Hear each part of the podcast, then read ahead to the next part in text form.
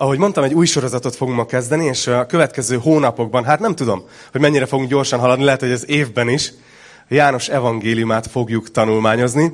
Csak így azért, mert van egy ilyen hipotézisem, hogy a János evangéliumát mindenki szereti, de hányan mondanátok azt, hogy ez az egyik kedvenc könyvetek? Nézzük.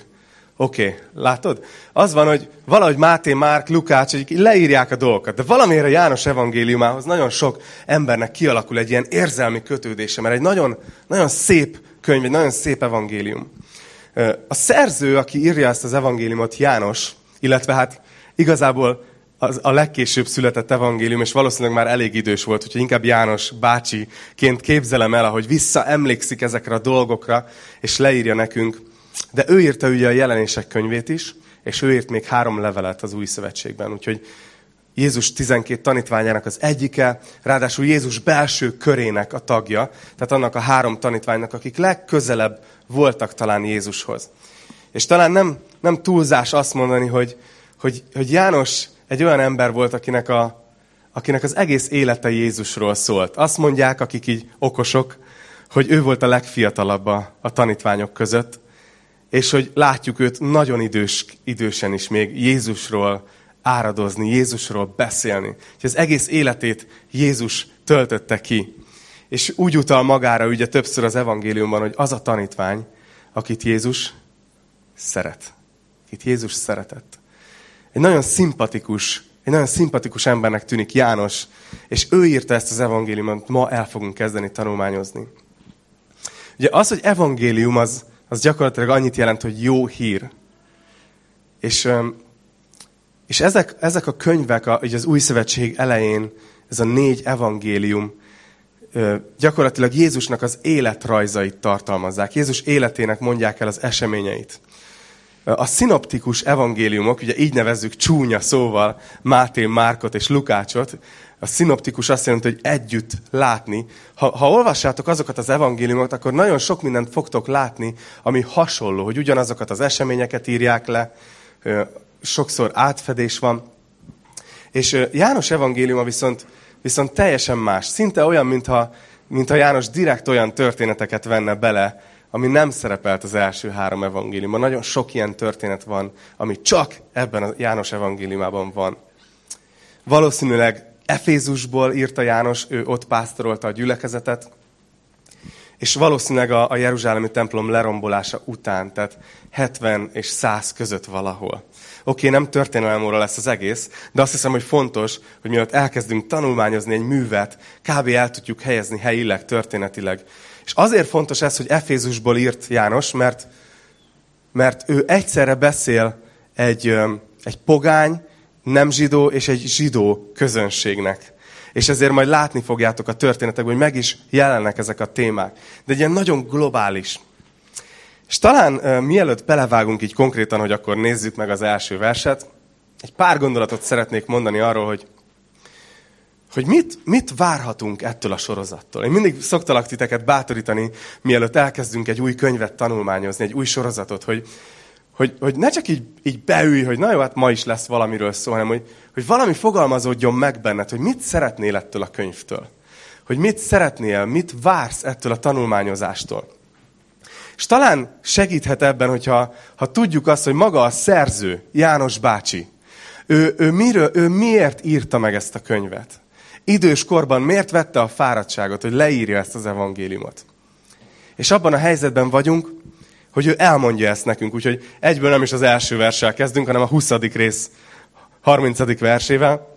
Ezt mondja, hogy sok más jelt is tett Jézus a tanítványai szeme láttára, amelyek nincsenek megírva ebben a könyvben. Tehát János az elején elmondja, hogy figyeljetek, ez nem egy olyan könyv, amiben mindent leírtam, amit tudok arról, hogy Jézus mit csinált. Ő nem, nem a teljességre törekedett, hogy minden ott legyen, hanem azt mondja, hogy ezek pedig azért irattak meg, hogy higgyétek, hogy Jézus Krisztus az Isten fia.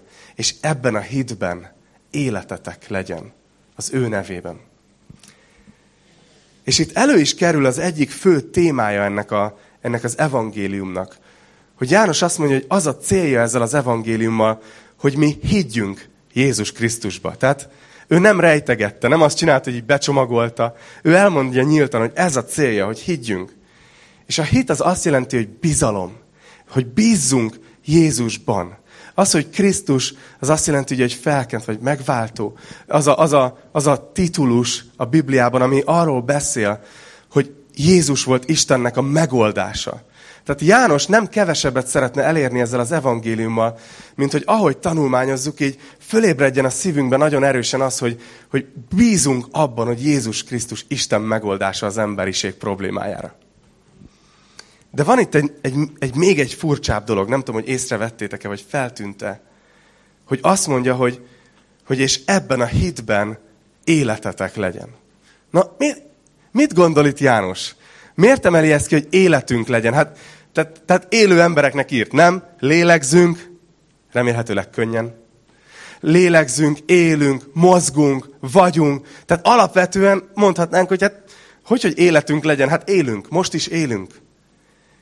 És János mégis azt mondja, és ezt majd látni fogjuk végig ebben a könyvben, hogy az egyik meggyőződése Jézusnak, amit, amit, így, amit így tanított az embereknek, hogy azt látta, hogy az emberek nem azt az életet élik, amit élhetnének. Mintha lenne valami több az életben, amit nem tapasztalnak meg az emberek, mintha ilyen csökkentett üzemmódban lennénk. Nem tudom, hányatoknak volt olyan régi windows amit így el lehetett indítani csökkentett üzemmódba. Egy kicsit olyan, mintha az emberek ilyen csökkentett üzemmódba élnék az életet. És talán, ha belegondoltok, ezzel nem is nagyon vitatkozunk, nem? Tehát, hogy így körbenézzünk, nyilván a ti életetekben semmi ilyesmi nincs. Tehát tudod, mindig, aki jelen van, az teljesen rendben van. De hogy, ahogy kinézünk, körbenézünk, látjuk azt, hogy, hogy az emberek mindig keresnek valami többet az életbe, valami teljesebbet, valahogy kihozni többet az életből. Ha nem így lenne, akkor nem működnének a reklámok. Mert, mert nem tudnának meggyőzni arról, hogy neked szükséged van arra a samponra ahhoz, hogy az életed teljes legyen, mert megérdemled. Tudod? Tehát, hogy akkor nem mennének az emberek talán párkapcsolatból párkapcsolatba azt remélve, hogy majd a következő. Na az majd tényleg betölti azokat a szükségleteimet, amik vannak. Az embereknek szerintem a, az egyik legalapabb meghatározó élménye az, hogy érezzük, hogy, hogy, hogy lenne valami több, de nem tapasztaljuk meg. És ezért nagyon nagy dolog az, hogy, hogy, Jézus, hogy János itt ezt mondja, hogy, hogy én azért írom ezt az evangéliumot, hogy higgyetek Jézusban, és emiatt úgy igazán éljetek, életetek legyen. Valaki azt mondta egyszer, hogy a végén nem az lesz a kérdés, hogy hány évből állt az életed, hanem hogy mennyi élet volt azokban az években. Hogy látjátok, hogy le lehet nyomni heteket, hónapokat, éveket, úgyhogy csak, csak túlélünk, csak vegetálunk. És éppen ezért az egyik kulcsverse a János evangéliumának, a János 10.10, és ezt sokszor fogom idézni. Amikor azt mondja Jézus magáról, amikor arról beszél, hogy, hogy ő a jó pásztor, azt mondja, hogy én azért jöttem, hogy az embereknek életük legyen. Sőt, bőségben éljenek. Jézus nem kevesebbet állít, mint hogy ő azért jött el a földre, hogy az emberek megtapasztalják ezt a teljes életet. Ezt az igazi, kimaxolt életet. És, és szeretném, ha tudnátok, mert látok sok új arcot, akik a közelmúltban csatlakoztatok hozzánk, és egyébként Isten hozott titeket. Nagyon örülünk mindig, amikor új arcokat látunk, és annak is, amikor a régi arcokat látjuk. De szeretném, hogyha kicsit így emlékeztethetnélek titeket ma reggel, hogy nekünk ebben a gyülekezetben, ebben a szolgálatban ez a szívünk. Mi azt szeretnénk látni, hogy itt jöttök ebbe a gyülekezetbe, jöttök az Isten tiszteletekre, vagy bekapcsolódtok online, és és, és közelebb kerültök ehhez a teljes élethez. Biztos látjátok, hogy ez egy elég szabad levegőjű gyülekezet. Nincsen sok előírás, igyekszünk nem tenni így elvárásokat az emberekre, így leterhelni. Nincsen tagság, bejöhet bárki úgy, ahogy van, és úgy fogjuk szeretni, ahogy van. Egy ilyen nagyon szabad levegőjű gyülekezetet szeretnénk itt megélni. De az a célunk, hogy legyen egy olyan hely, ahol találkozhatsz azzal az igazsággal, ami, ami Istenről szól és rólad szól. Annyi hazugság van a világban. Magad, magunkat is néha becsapjuk, lehúzzuk, leértékeljük, néha fölülértékeljük. És nagyon fontos, hogy, hogy az igazságot halljuk az igéből. Azért, mert, és akkor ez az utolsó spoiler, ígérem, mindjárt belekezdek az első versbe. De nézzétek, azt mondja János 8.31, től a 32-ig, hogyha ha megtartjátok az én igémet, akkor valóban az én tanítványaim vagytok, és megismeritek az igazságot, és az igazság megszabadít titeket. Én amikor erről a csökkentett üzemmódról gondolkozok, én úgy látom, hogy, hogy nagyon sokszor az van ennek a hátterében, hogy az emberek nem érzik magukat szabadnak. És mindenkit más köt, mindenkit más láncol.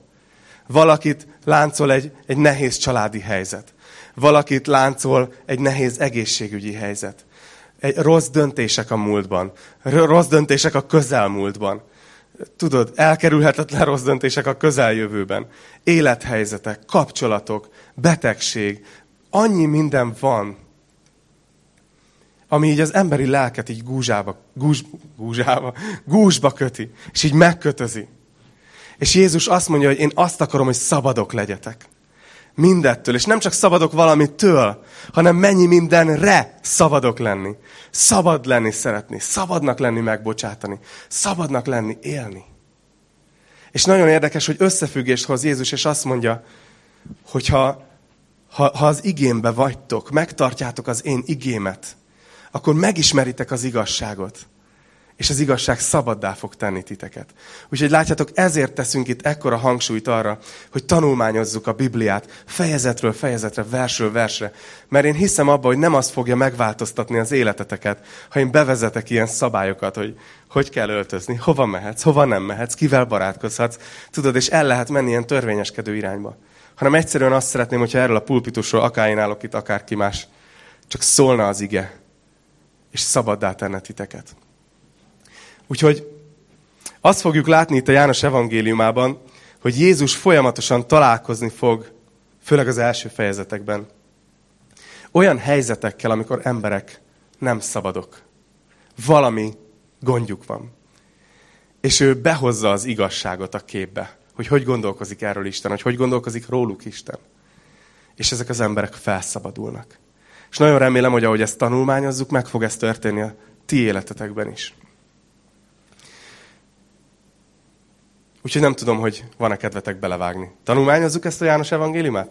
Jónak hangzik? Oké. Okay. Legalább egy ember szeretné, úgyhogy akkor én belevágok. Én, én úgy így vagyok. Amikor elkezdek egy könyvet tanulmányozni, mindig elképzelem, hogy vajon hogy állhatott neki a szerző. Hogy így hogy kezdte. Így, így próbálom csak így magam elé képzelni az idős Jánost, az apostolt, ahogy így, ahogy így leül egy pergamennel, és így készül arra, hogy leírja annak a személynek az életét, aki gyökerestül megváltoztatta az ő életét. És így elképzelem, ahogy, ahogy így gondolkozik és imádkozik, hogy hogy kezdjem el, hogy vezessem be. És ugye mindegyik evangélium máshogy vezeti be Jézusnak az életét. Máté és Lukács ilyen családfákkal kezdődnek. Ők a családfáját vezetik le Jézusnak. Márk kicsit belecsap a lecsóba. Ő, ő proféciákból vezeti le. És János az, aki legmesszebb visszamegy az időben. És olyan messziről indít, hogy talán meg is lepődünk. Úgyhogy kezdjük el. János evangéliuma első fejezet, első vers.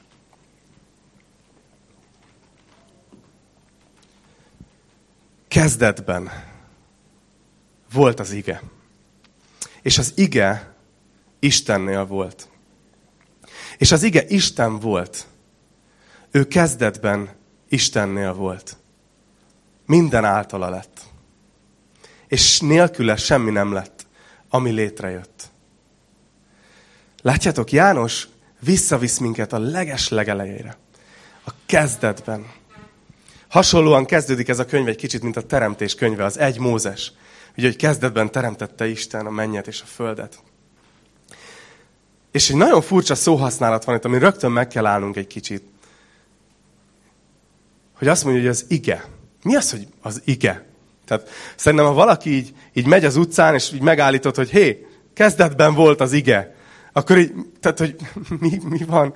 Lehet, hogy egy ige kötőt fogsz utána hallani, vagy tehát valami kötőszót, hogy, hogy mit gondolsz. Fontos erről egy kicsit beszélni, hogy mit, mit szeretne itt kommunikálni János?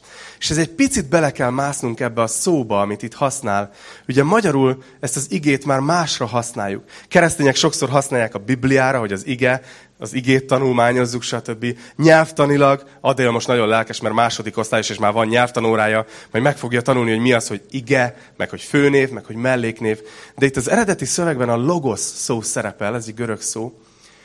Tehát amikor azt mondja, hogy kezdetben volt a logosz, a logosznak egy nagyon gazdag jelentésvilága van, de igazán a lényege, amit én le tudtam belőle szűrni, hogy kommunikációt jelent, üzenetet.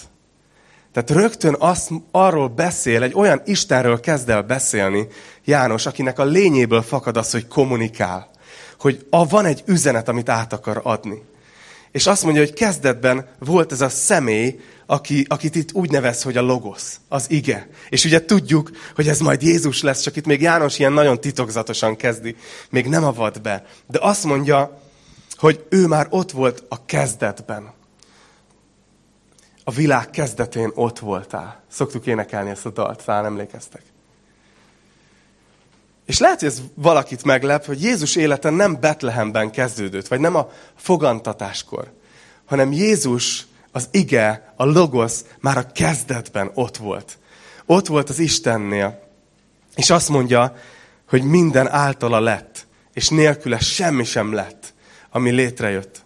Én nem tudom, hogy belegondoltok-e, hányan vagytok ilyen filozófikus, tehát aki szerettek agyalni ilyen az élet nagy kérdésein. Jó, legalább egy ember, úgyhogy akkor miattad elmondom. Nem, vagytok többen is. Mert, mert amikor olvasunk egy ilyet, akkor az emberben az első dolog, ami megfogalmazódik, hogy oké, okay, hogy kezdetbe, de mi volt előtte? És ez egy nagyon érdekes dolog, ha belegondoltok, az, amikor ezt így Enivel beszéltük, akkor mondta, hogy igen, az agy, agy így szétrobban, hogy, hogy az idő is egy teremtett dolog.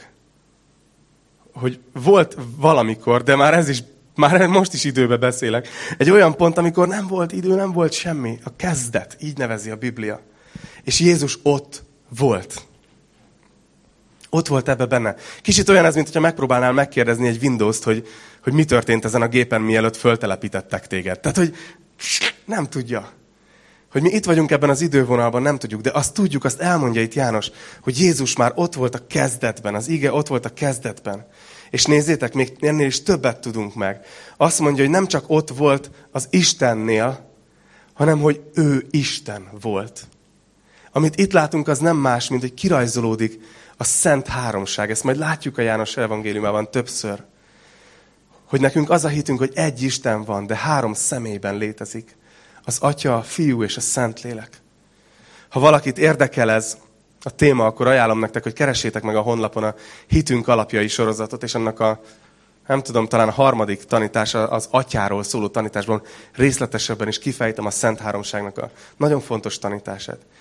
És itt azt mondja, hogy minden rajta keresztül lett.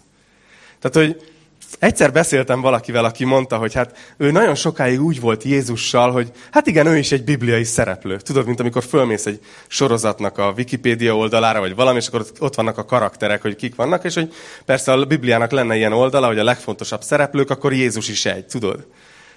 De a Biblia nem mást állít, mint hogy, hogy minden, amit te most tapasztalsz, amit megélünk, az egész világ, az Krisztuson keresztül jött létre. Hogy ő volt az a csatorna, amin keresztül létrejött ez az egész világ. És egy kicsit János itt filozófikus lesz, úgyhogy most, most kapcsoljátok be az öveiteket, mert néhány nagyon fontos alapfogalmat fog nekünk fölhozni, amivel egy kicsit gondolkozunk, és utána jövő héttől kezdődnek a történetek, az akciódúsabb részek, de fontosak ezek az alapok. Nézzétek, ezt mondja még Jézusról a negyedik versben, hogy benne élet volt. És ez az élet volt az emberek világossága. A világosság a sötétségben fénylik, de a sötétség nem fogadta be. Nagyon érdekes, hogy ugye az előbb azt mondta, hogy Jézuson keresztül lett minden teremtve, itt pedig azt mondja, hogy ő benne volt az élet. Ugye a teremtésben látjuk, hogy Isten megteremti az élő világot az a fényt megteremti, a világosságot, az embereket, az állatokat. Létrejön az élet, és azt mondja, hogy ez mind Krisztusból jött ki. Ez az egész élet, nyüzsgő világ. És ez, ez nagyon érdekes. kicsit, hogyha így mégis hozom hozzánk közelebb, hogy, hogy itt arról beszél János, hogy, hogy, hogy Jézus a világosság. Nem tudom, ha gondolkoztok velem egy kicsit, hogy a fényre, a világosságra mennyire van szüksége az embereknek. Milyen szerepe van az életünkben a, a fénynek. Én egy kicsit így gondolkoztam ezen, és eszembe jutott, hogy Albert fiam, ő amúgy egy nagy megmondó ember lesz, ilyen velős mondatai vannak. Így szeptember másodikán megkérdezte, hogy apu, mikor lesz megint nyár? És mondom, hogy fiam, szívemből szóltál. Előbb-utóbb lesz nyár. Ugye a név kötelez nyári. Mi nem vagyunk jók így szeptember 1-től, az van. De a, a, a, biztos észrevettétek, hogy talán ha nem ilyen névvel élitek a világot, akkor is a fényre valahogy szükségünk van, még optimistábbak is vagyunk, nem? Nem tudom, hogy megfigyeltétek-e azt, hogy, hogy még van olyan is, hogy mondjuk borús egy nap, és ilyen semmilyen a hangulatod, és egyszer csak kisüt a nap, és így, há, egész más a világ. Lehet szeretni az embereket. Én se vagyok katasztrófa. Tehát lehetnek céljaim, terveim. A fény annyira fontos, még a hangulatunkhoz is, de ezen túl a fény miatt tudunk tájékozódni, látni. A fény elengedhetetlen ezekhez az életritmusainkhoz, mint például alkonyodik, és a testünk elkezd melatonin termelni, hogy tudjunk aludni. Csináltak ilyen kísérleteket, hogy embereket hetekig sötétbe zártak. És nem tudtak aludni normálisan, mert nem tudtak, a szervezetük nem tudta, hogy most mi van. Nagyon fontos a fény. A D-vitamin miatt is. Anyátok helyett anyátok vagyok. Fontos a D-vitamin. Menjetek a napra. Olvastam egy, egy cikket egy oroszországi városról, Norilsknak hívják, nem tudom, hogy hányan olvastatok, vagy néztetek ottani képeket. Az érdekes az, hogy ott, ott télen tud ilyen mínusz 50 fok is lenni. Egy nagyon északi bányászvárosról beszélünk, ahol ilyen, néha ilyen két hónapos éjszakák vannak, és napig 200 nap, évente 200 napon keresztül a határérték felett van a smog érték és a károsanyag kibocsátás, és tíz évvel alacsonyabb az állat, átlag életkor, mint bárhol máshol Oroszországban. Nagyon érdekes. Néztem ilyen képeket onnan, hogy így a szobanövények fölé ilyen UV-lámpát tesznek. Akik ott laknak, nagyon jó pénzt keresnek, és ingyenes a szolárium. De ne menjetek oda. Nem akarsz ott élni, mert sötét van. Na, ezeket csak azért hozom ezeket a példákat, mert ugye fizikailag, testileg értjük azt, hogy szükségünk van a fényre ahhoz, hogy teljes életet éljünk. És a János evangéliumának az egyik legközponti üzenete, hogy lelkileg is szükségünk van a világosságra, és ez a világosság, ez Isten. Ez a világosság, ez Krisztus. És van ez a, ez a modern tanítás, hogy, hogy benned van a fény. Fedezd fel magadban a fényt. Sok sikert! A Biblia azt tanítja, hogy bennünk nincs. Hanem azt mondja, hogy ő benne volt az élet. Hogy Istenben van az élet. És amikor ezt felfedezzük, akkor tudjuk ezt a teljes életet élni. És innentől ez a nagyon absztrakt gondolatvilágból végre jön valami gyakorlati. Tehát a teremtéstől János átugrik egy másik Jánoshoz. Keresztelő János munkássága. Keresztelő János, ő egy egy nagyon érdekes ö, figura, ember volt, egy proféta volt, akit Isten elküldött, hogy eljöjjön, mielőtt Jézus megjelent a földön. És ugye ő ott volt, és, ö, és mondta az embereknek, hogy térjetek meg, változtassátok meg, ahogy gondolkoztok, ahogy éltek, mert közel jött hozzátok az Isten országa. És ott szolgált Izraelben, és nagyon sok ember ment hozzá, és ugye onnan kapta a nevét, hogy, hogy, hogy bemerítette az embereket. Ezért hívják bemerítő vagy keresztelő Jánosnak. És itt az ő munkásságát így vezeti be János hatodik vers. Megjelent egy ember, akit Isten küldött, akinek a neve János. Ő tanúként jött, hogy bizonyságot tegyen a világosságról. Hogy mindenki higgyen általa. És nézzétek, hogy mennyire fontos dolgot mond a következő mondatban. Nem ő volt a világosság, de bizonyságot kellett tennie a világosságról. Az ige volt az igazi világosság, amely megvilágosít minden embert. Ő jött el a világba. A világban volt, és a világ általa lett, de a világ nem ismerte meg őt. A saját világába jött, de az övéi nem fogadták be. Itt fölhozza keresztelő Jánost, és azt mondja, amikor ő eljött és szolgált, akkor ő így mondta, hogy nem én vagyok a világosság, hanem ő azért jött, hogy, hogy az emberek figyelmét az igazi világosságra irányítsa. És olyan, mint a János itt leírná a nagy képét az emberi történelem, hogy a, hogy a világban volt Jézus ugye a Betlehem előtt is. De a sötétség nem fogadta be, a világ nem ismerte meg. És a történelem legnagyobb pillanata, hogy személyesen jött el. János apostol, az idős János apostol, ő így vezeti be az evangéliumát, hogy az az ige, aki ott volt a kezdetben, az egyszer csak eljött személyesen, emberként. Azt szeretné, hogy ezt értsük, hogy ő ki az, akiről szólni fognak ezek a történetek. Azért, mert, mert azt szeretné Isten, hogy ő belőle merítsük az életünket. És nagyon sokan nem kértek belőle, azt mondja, hogy elutasították. De nézzétek meg, hogy nem mindenki. Azt mondja a 12. vers, hogy akik pedig befogadták ezt a világosságot, azoknak, hatal azoknak hatalmat adott arra, hogy az Isten gyermekeivé legyenek. Mindazoknak, akik hisznek az ő nevében. Akik nem vérből, sem a test, sem a férfi akaratából, hanem Istentől születtek. Szóval, szóval itt van ez az elég borús kép, hogy eljön, az, eljön a logosz, eljön a világba, és, és a világ így nem fogadja el, így elutasítja. De azt mondja, hogy akik viszont befogadták. Az nem, és, és olyan érdekes, hogy nem azt írja, hogy azokat, na jó, Isten is elfogadta. Hanem olyan erős szavakat használ, ha megfigyelitek. Azt mondja, akik befogadták, azoknak Isten hatalmat adott arra, hogy Isten gyermekeivé legyenek. Nem tudom, hogy hogy, hogy gondolkozol arról, hogy milyen Isten.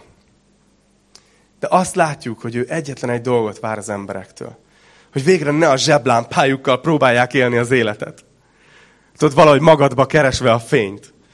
Hanem, hogy fogadd el, hogy, hogy Isten az élet forrása, annak a teljes életnek a forrása. És ne próbálj, tudod, pattintott kőkorszaki módon valahogy szikrát csiszolni, hogy valahogy gyújtsál egy kis tüzet.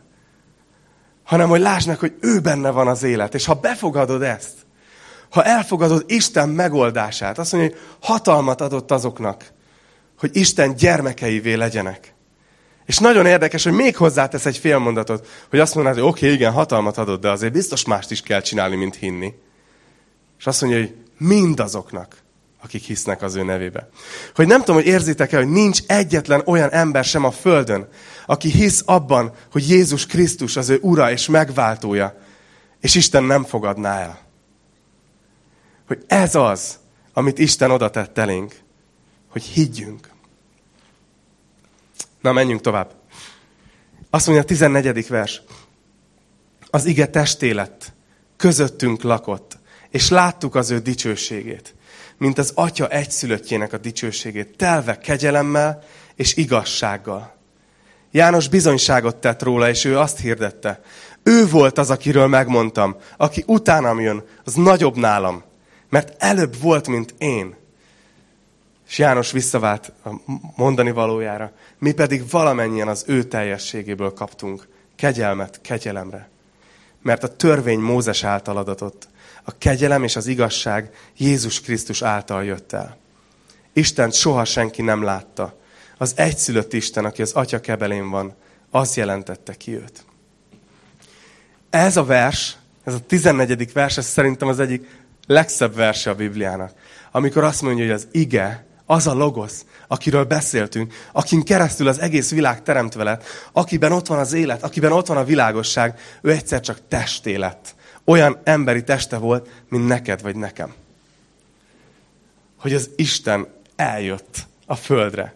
És azt mondja, hogy közöttünk lakott, közöttünk sátorozott, közöttünk vert sátrat. És még egy fontos dolog, amit itt kiemel, azt mondja, hogy, hogy milyen volt, amikor Isten eljött. Még mindig nem beszél Jézusról, észrevettétek? Még mindig ilyen nagyon elvontan vezeti be a témát. De azt mondja, hogy tele volt kegyelemmel, és tele volt igazsággal. És utána egy össze is hasonlítja Mózessel, ugye, akit ismertek a zsidók, aki hozta a törvényt, hogy mi Isten előírása az embereknek. És azt mondja, hogy a, a törvény az Mózesen keresztül adatott. De Jézus Krisztusban egy másik dolog jelent meg. A kegyelem és az igazság. Ha, hadd kérdezzelek meg titeket ma, hogy ha elképzelitek Istent, akkor hogy jelenik meg a fejetekben? Milyennek képzelitek előtt? Hogy úgy képzelitek őt, mint egy, mint egy olyan Isten, aki ilyen végtelen elvárás listákat ad nekünk, hogy hogy kell jól élnünk, hogy mit kell tennünk, hogy hogy tudjuk elérni azt a szintet, amikor ő majd esetleg hajlandó tárgyalni velünk. Vagy látjátok-e Istent úgy, ahogy azt mondja, hogy Jézus bemutatta őt, hogy tele volt kegyelemmel, és tele volt igazsággal. Azért feszegetem ezt, mert néha még mi keresztények félre tudunk csúszni. És azt mondjuk, hogy oké, okay, persze törvény, azt értjük, hogy nem. Tehát, hogy túl vagyunk rajta. De néha átcsiszünk abba, hogy nem látjuk azt, hogy Jézusban ott volt az igazság. Tehát Jézus nem egy olyan szereplőként jött el, hogy tudod, ilyen pitypank füzér a hajában, és mindenkinek azt mondta, hogy béke. Tehát, hogy, tehát ő, ő, ő azért, ha belegondoltok, nagyon sértő dolgokat mondott az embereknek. Ő, ő oda mondta az embereknek, hogy figyelj, ha nem tértek meg, akkor bűneitekbe haltok meg. Tehát, hogy, tehát, hogy nem szépítette, nem, nem, nem árult zsákba macskát. Ő elmondta, hogy figyeljetek, azért jöttem, hogy meghalljak értetek, mert bűnösök vagytok, és nem tudjátok megoldani a saját problémátokat. Tehát Jézus tele volt igazsággal, de Jézus tele volt kegyelemmel. Hogy igen, nem mismásolta el a bűnnek a kérdését. De ugyanakkor, amikor ott volt, ott volt az a beteg ember, ott volt az a vak ember, amikor megy Jeruzsálem felé. És ő könyörül rajta. És szinte biztos vagyok, hogy az jár a fejében, hogy én ezért az emberért úgy néhány napon belül az életemet fogom odadni. Látjátok, hogy nem söpri a bűnt be a szőnyeg alá, de egy olyan kegyelem van benne, olyan szeretet, olyan elfogadás, hogy majd én megoldom helyettetek, ami egészen páratlan. Úgyhogy hogy látod Istent ma? Látod-e, hogy tele van kegyelemmel és igazsággal? Szóval egy kicsit most már újra megnézzünk egy, egy kis történetrészt, és ezzel fogom ma befejezni. Ugye keresztelő János volt az, aki Jézusnak az előfutára volt. Ő volt a marketinges, vagy a, nem tudom, előzenekar, vagy nem is tudom, hogy hogy kellene fogalmazni, hogy ilyen modern példákat hozzak. De a lényeg az, hogy eljött keresztelő János, és így, így ment, és hirdette, hogy, hogy térjetek meg, változtassátok meg az, ahogy gondolkoztok, ahogy éltek, mert közel jött hozzátok az Isten királysága, Isten országa. És hát azért elég hatékony volt a szolgálata, rengetegen mentek és merítkeztek be hozzá. Hallottam egyszer egy tanítót, aki azt mondta, hogy figyelj, az is le van írva, hogy ő a pusztában élt, és sáskát evett, meg erdei mézet. Tehát, hogyha elképzelt egy embert, akinek ugye a zsilet gyakran nem kerül a kezébe, és és így, tudod, a méz így oda van ragadva a szakállára, és belőle egy-két sáska láb, meg és ordít, hogy térjetek meg, azt mondja, hogy én is megtértem volna, tudod, biztos, hogy megtértem volna. Nem tudom, talán én ezért kicsit finomabbnak képzelem el keresztelő Jánost, de a lényeg az, hogy ott volt, és előbb-utóbb feltűnést keltett, és, és az emberek, a vallási vezetők fölfigyeltek, hogy, hogy mi történik itt, ki ez? És elküldtek Jánoshoz, és itt látunk a karakterében egy nagyon fontos dolgot. Nézzétek, azt mondja a 19. vers, hogy János így tett bizonyságot, amikor a zsidók papokat és lévitákat küldtek hozzá Jeruzsálemből, hogy megkérdezzék tőle, ki vagy te?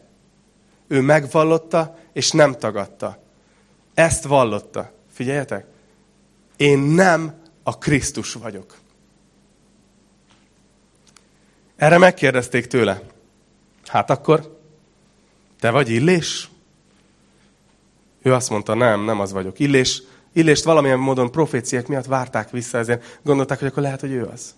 Mondta, hogy nem. Ezt mondták tehát, hogy igen, a proféta vagy? Ez a következő kérdés. Volt egy profécia a profétáról, akit majd követni kell. Ő így válaszolt, nem. Ezt mondták tehát, Ki vagy? Tehát Marci, tehát lehet, hogy ott elénekeltem, ez a ki vagyok én igazán. Tudod? Tehát ez a valami ilyen pillanat. De ki vagy akkor? Hogy választ adhassunk azoknak, akik elküldtek minket. Mit mondasz magadról? Erre ő így felelt. Én kiáltó hang vagyok a pusztában. Egyengessétek az Úr útját, ahogyan Ézsaiás próféta megmondta. A küldöttek között voltak farizeusok is. Ők voltak az alaposabbak. Szóval ők, hol, hol van ez? Bocsánat, elvesztettem fel. Ezek tovább kérdezték őt. Miért keresztelsz hát, ha nem te vagy a Krisztus? Sem illés, sem a próféta. János így válaszolt nekik. Én vízzel keresztelek. De közöttetek áll az, akit ti nem ismertek. Aki utánam jön, és én arra sem vagyok méltó, hogy a sarúja szíját megoldjam. Ez Betániában történt, a Jordánon túl, ahol János keresztelt. És szeretnék itt nektek hozni valami nagyon gyakorlatit.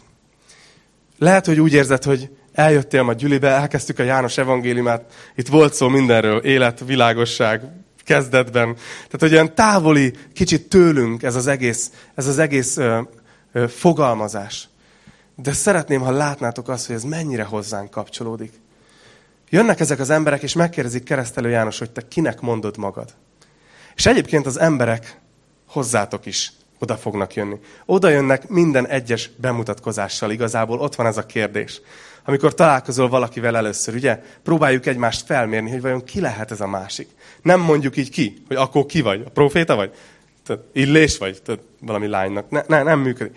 A lényeg az, hogy valahogy próbáljuk egymást fölmérni emberek. Minket is megkérdez a világ minden nap, hogy kik vagyunk.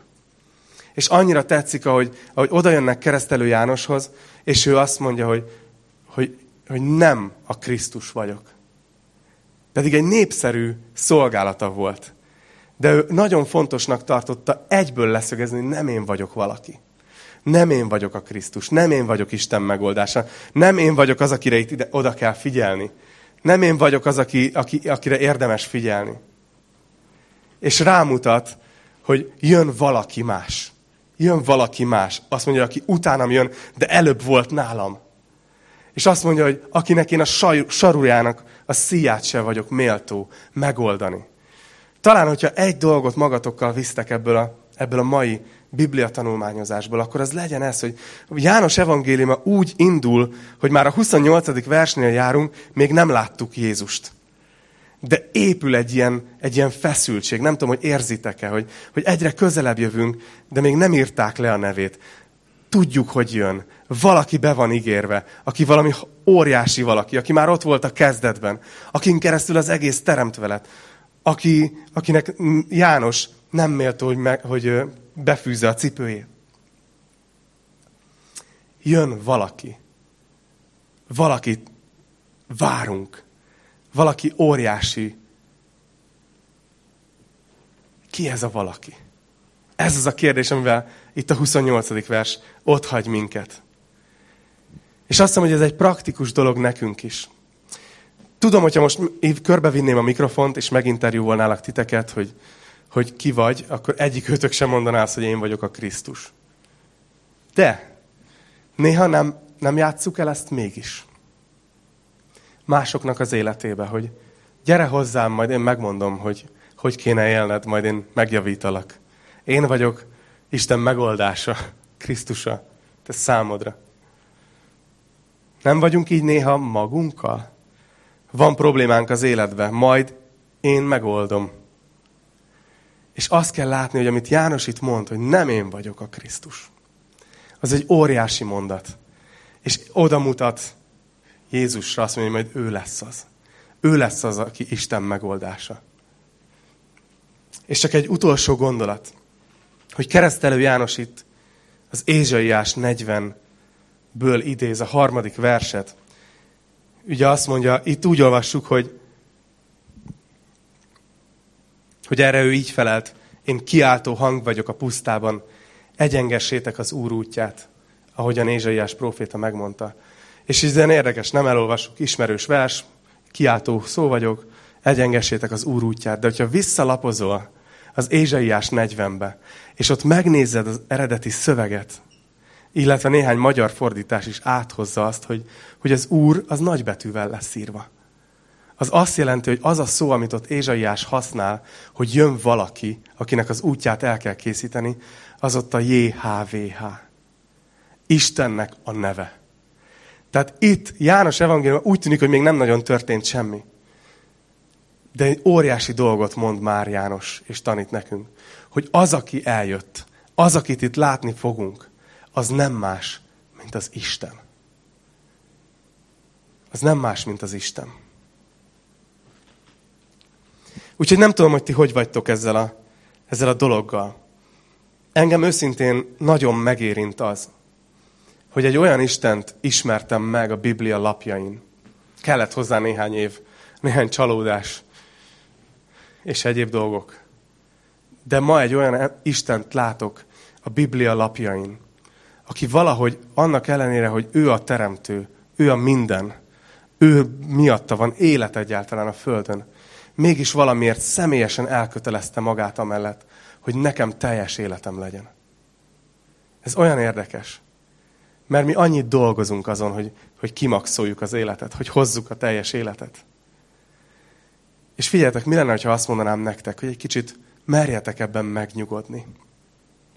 Merjétek ennek átadni magatokat, hogy nem, nekünk, nem mi vagyunk a Krisztus, nem mi fogjuk elérni valahogy az életet, hanem Isten az, aki akarja, hogy mi nekünk bővölködő életünk legyen.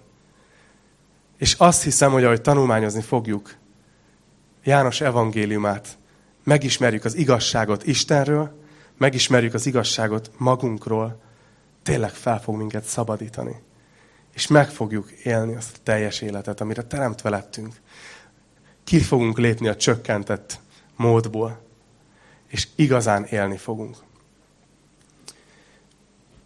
Úgyhogy egyelőre itt hagyjuk keresztelő Jánost Betániában, a Jordán partján, de annyit elárulhatok, hogy a következő versekben Jézus színre fog lépni. Úgyhogy, ha kíváncsiak vagytok erre, akkor gyertek el jövő héten is. Ezt fogjuk tanulmányozni. És csak egy zárszót hagy mondjak.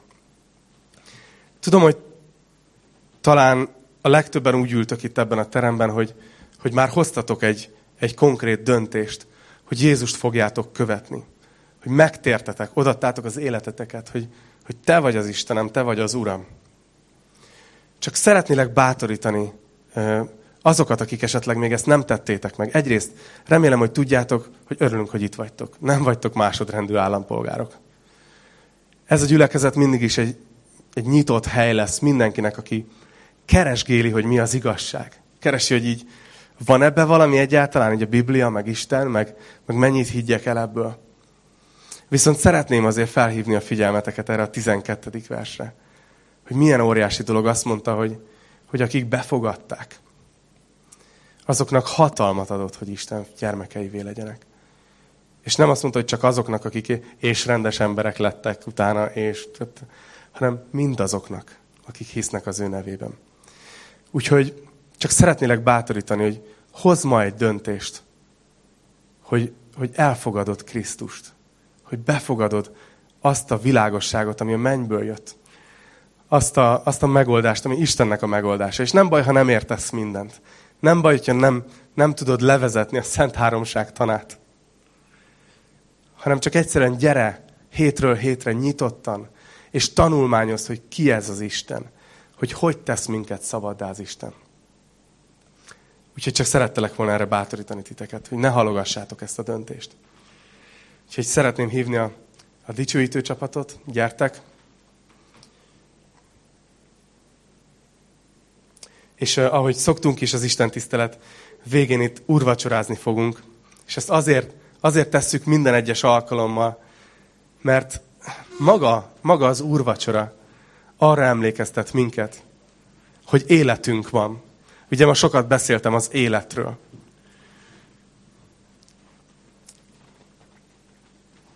Beszéltem arról is, hogy Krisztus tele volt igazsággal, és ő elmondta, hogy a bűn mennyire ö, súlyos dolog, mennyire mennyire halállal jár.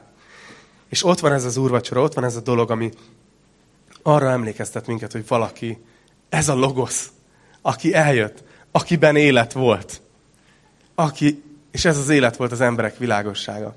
Ő egy ponton úgy döntött, hogy, hogy helyet cserél velünk, és értünk meghalt. Ezért van az úrvacsora. A szőlőlé jelképezi Krisztusnak a kiontott vérét a kereszten. A pászka az ő megtört testét. És valahogy, ahogy vesszük, miközben egy halálról szól, de mégse szomorúan vesszük. Mégsem szomorkodva vesszük. Mert az egész arról szól, hogy nekünk így lett életünk. És Krisztus ezért jött, hogy nekünk életünk legyen. És ő is kijött harmadik nap a sírból. Mert akiben élet van, az nem marad a sírba. Azt nem győzi le a halál. Úgyhogy emlékezzetek ma erre, hogy vesszük az úrvacsorát. Imádkozzunk.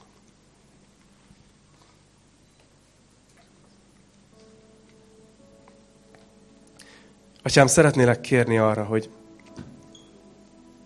mivel látjuk, hogy ennyire elkötelezted magad, hogy megismertesd magad velünk. Küldted az egész Bibliát, küldted a János evangéliumát, és, és adod a lehetőséget, hogy összejöhetünk, tanulmányozhatjuk. De igazán, Uram, nem okosabbak szeretnénk lenni, nem műveltebbek, hanem szeretnénk téged egyre jobban megismerni, és szeretnénk benned egyre jobban felfedezni azt a teljes életet, amiről János evangéliuma beszél. Úgyhogy csak szeretnélek megkérni, Uram, hogy, hogy munkálkodj a szívünkben így a következő hetekben, következő hónapokban, ahogy tanulmányozzuk ezt. Kérlek, hogy vigyél minket közelebb magadhoz, te szívedhez. És segíts, hogy így igazán megéljük azt, azt a gyermekséget, hogy mi a te gyermekeid vagyunk. És köszönjük neked a te szeretetedet.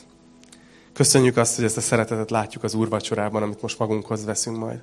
Köszönjük, drága Jézus, hogy értünk odaadtad az életedet.